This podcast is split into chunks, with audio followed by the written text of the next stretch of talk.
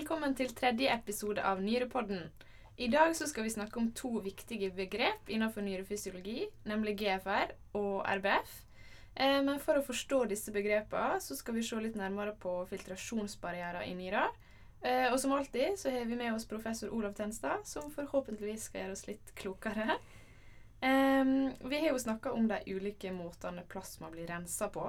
Men kan du forklare litt nøyere hvordan filtrasjonen skjer, og hvorfor er det sånn at noen protein, som f.eks. albumin, ikke blir filtrert? Ja, Da skal jeg ta den eh, på det Vi har jo snakket litt om dette før. Eh, men eh, filtrasjonsbarrieren er jo bare en sil, og som har porer, og det er størrelsen som er det viktigste. Absolutt det som bestemmer. Så rundt albuminets størrelse, som er 67 kilodolten, hvis det sier dere noe? Nei. Nei. Men iallfall på den størrelsen med albumin, det, der går grensen for hva som ikke blir filtrert, og hva som blir filtrert. Så ganske ska, eh, nokså skarpt skille. Så det som er større enn det, det blir ikke filtrert, og det som er mindre, det kan bli filtrert i økende grad. Uh, og så er det en ting til. Det er ladning på molekylet som bestemmer filtrasjonen, er med på det. Og formen og komprimerbarheten til eh, molekylet. Så det er kort fortalt form, det, eh, størrelse, det viktigste, men også ladning og eh, form. Ok, Men vi har jo hørt om proteinuri i klinisk sammenheng. Altså at man får protein som albumin i urinen. da. Hva som har skjedd da, og hva sykdommer som kan føre til proteinuri. Ja, uh, For å ta litt mer om albumin, så er jo det som jeg sa, det er uh, et litt mindre molekyl enn de andre plasmaproteinene. Så det spesielle med albumin er egentlig at det er ganske lite til å være plasmaprotein. Det er uh, 67 kilodolten, og det er halvparten så stort som immunglobulinene, som er det som det er nest mest av i plasma. Så albumin utgjør omtrent halvparten av proteinmassen i plasma. Og immunglobulinene, som er dobbelt så stort, det utgjør nest mest i plasma. Så det er så stort at det slipper normalt ikke gjennom. Men det med albumin det ligger på grensen til å kunne bli filtrert. Og der er det derfor den ladningen er litt viktig. For negativt, uh, albumin er veldig negativt ladd. Og så er det sånn at uh, i det endotelet, det har en sånn kappe, glykokalik, som vi snakket om litt, den er veldig negativt ladd. Så den glykokaleksen den jager på en måte albuminmolekylene vekk fra filteret, så ikke det så lett skal komme gjennom. Fordi det er såpass lite. Så da ved sykdom så er det først og fremst at uh, de porene blir i praksis større. Så til og med også immunglobulinene, som er dobbelt så store som albumin, det kan komme ut.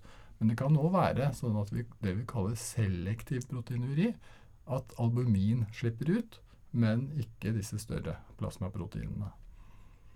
Ja. Men uansett så er eh, det mange mekanismer for nyresykdom. Men felles er at eh, etter hvert så svekkes barrieren. Uansett hva som er den originale grunnen, så er det rammes barrieren.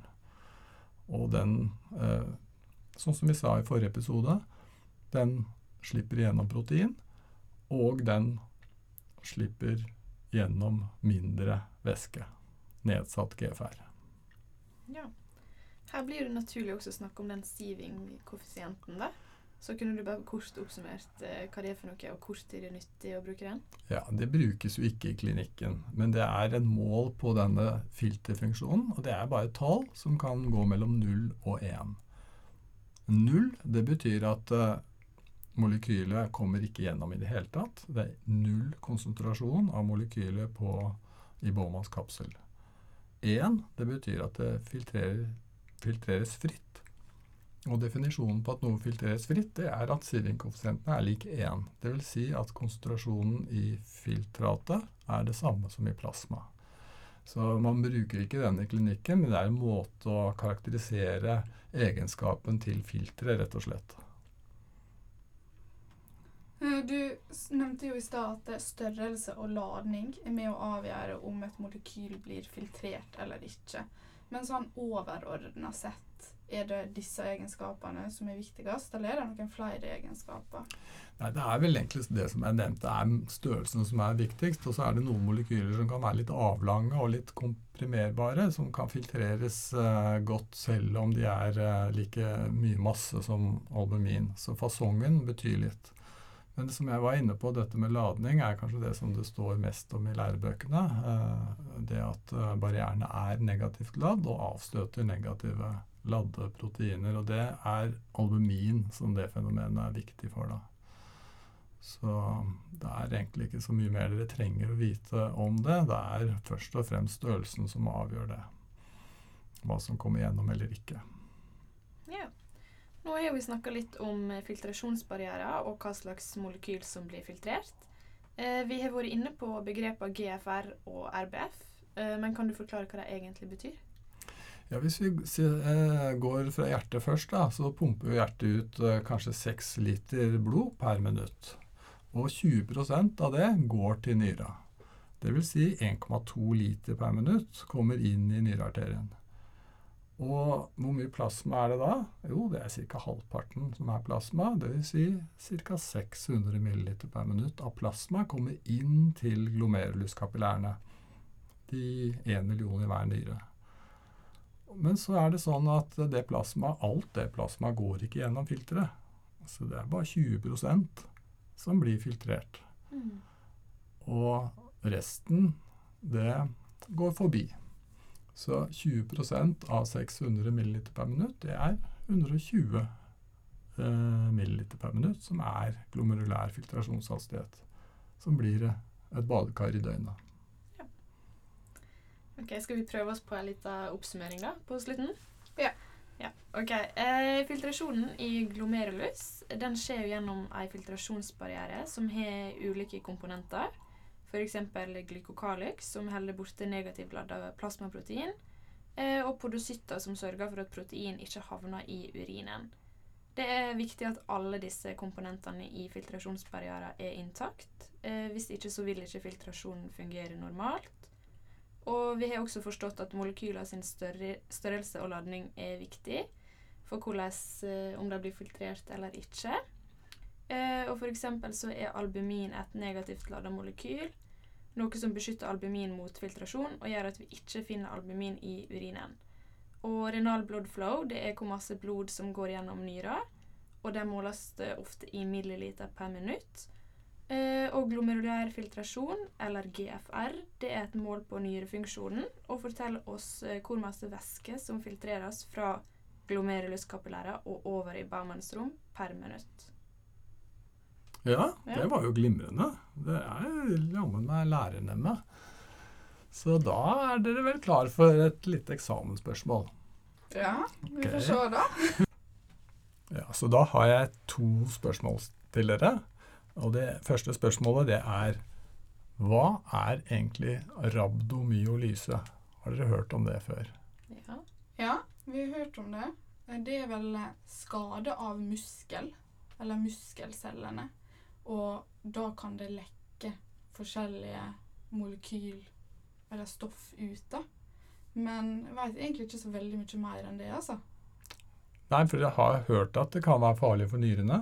Mm. Ja. ja, nyresvikt etter veldig intensiv trening. Ja, for eksempel. Så hva kan da Hva er det som rammer nyrene i det som kan være i muskel? Kreatinin? Ja, det kunne vært kreatinin, for det var jo et avfallsstoff. Men det er faktisk det vi bruker til å uh, diagnostisere at den tilstanden har oppstått. Så er det to ting man måler. Det ene er kreatinkinase. Så det er et enzym inni muskulaturen. Så det er ikke kreatininet, det er avfallsstoffet med kreatinkinase. Så det er bare et markørstoff. Det er ikke farlig for nyren, men det går veldig opp ved muskelskade. Men så er det et annet uh, molekyl som er det som skader nyren, og det er myoglobinet. Vet dere hva myoglobin er?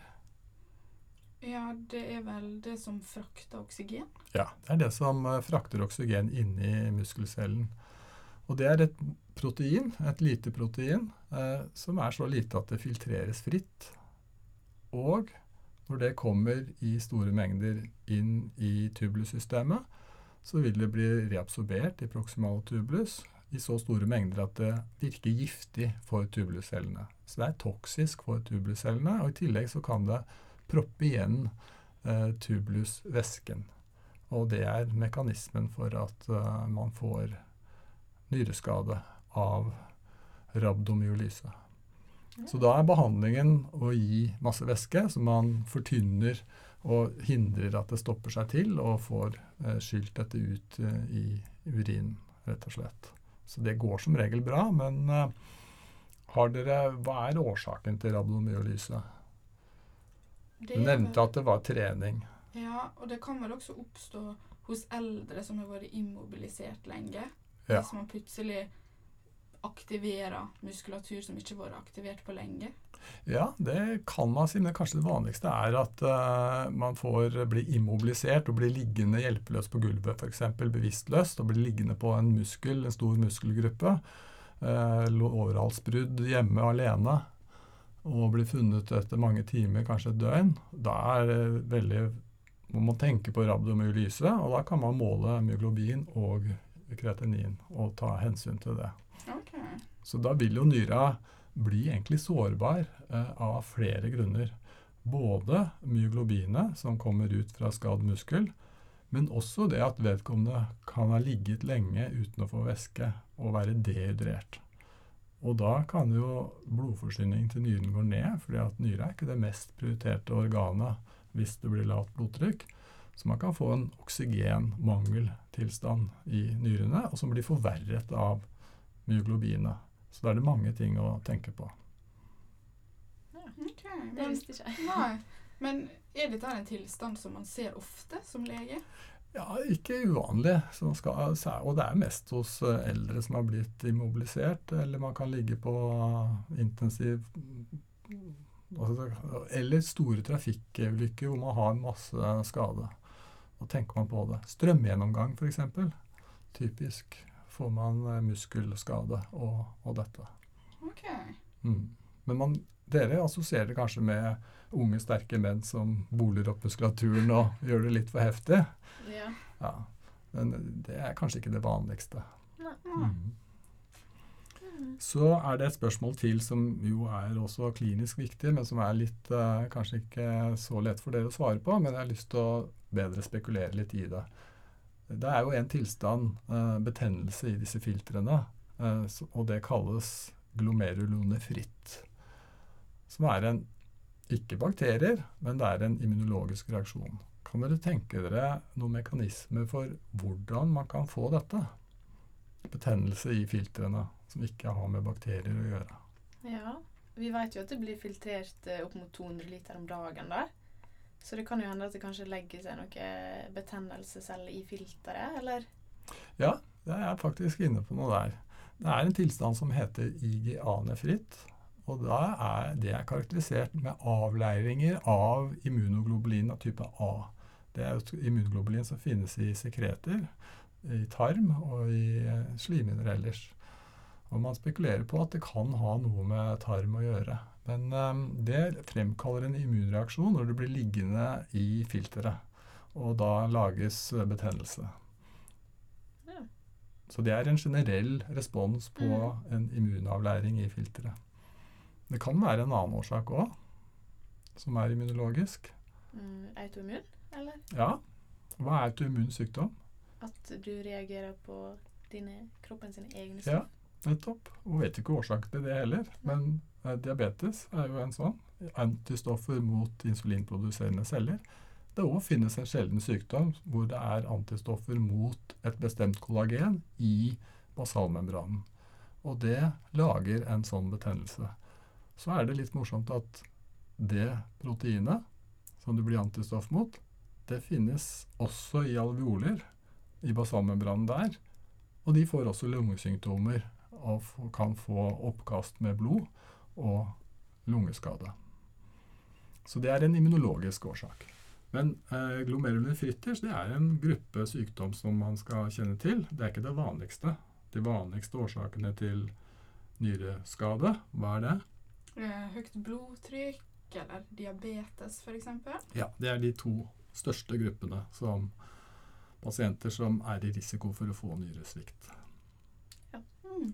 Ja, nå var dere kjempeflinke, så da, er det vel greit å Ja, dere fikk bestått, men jeg tror jeg må gi dere A på dette her. Ok, da snakkes vi i neste episode. Det gjør vi.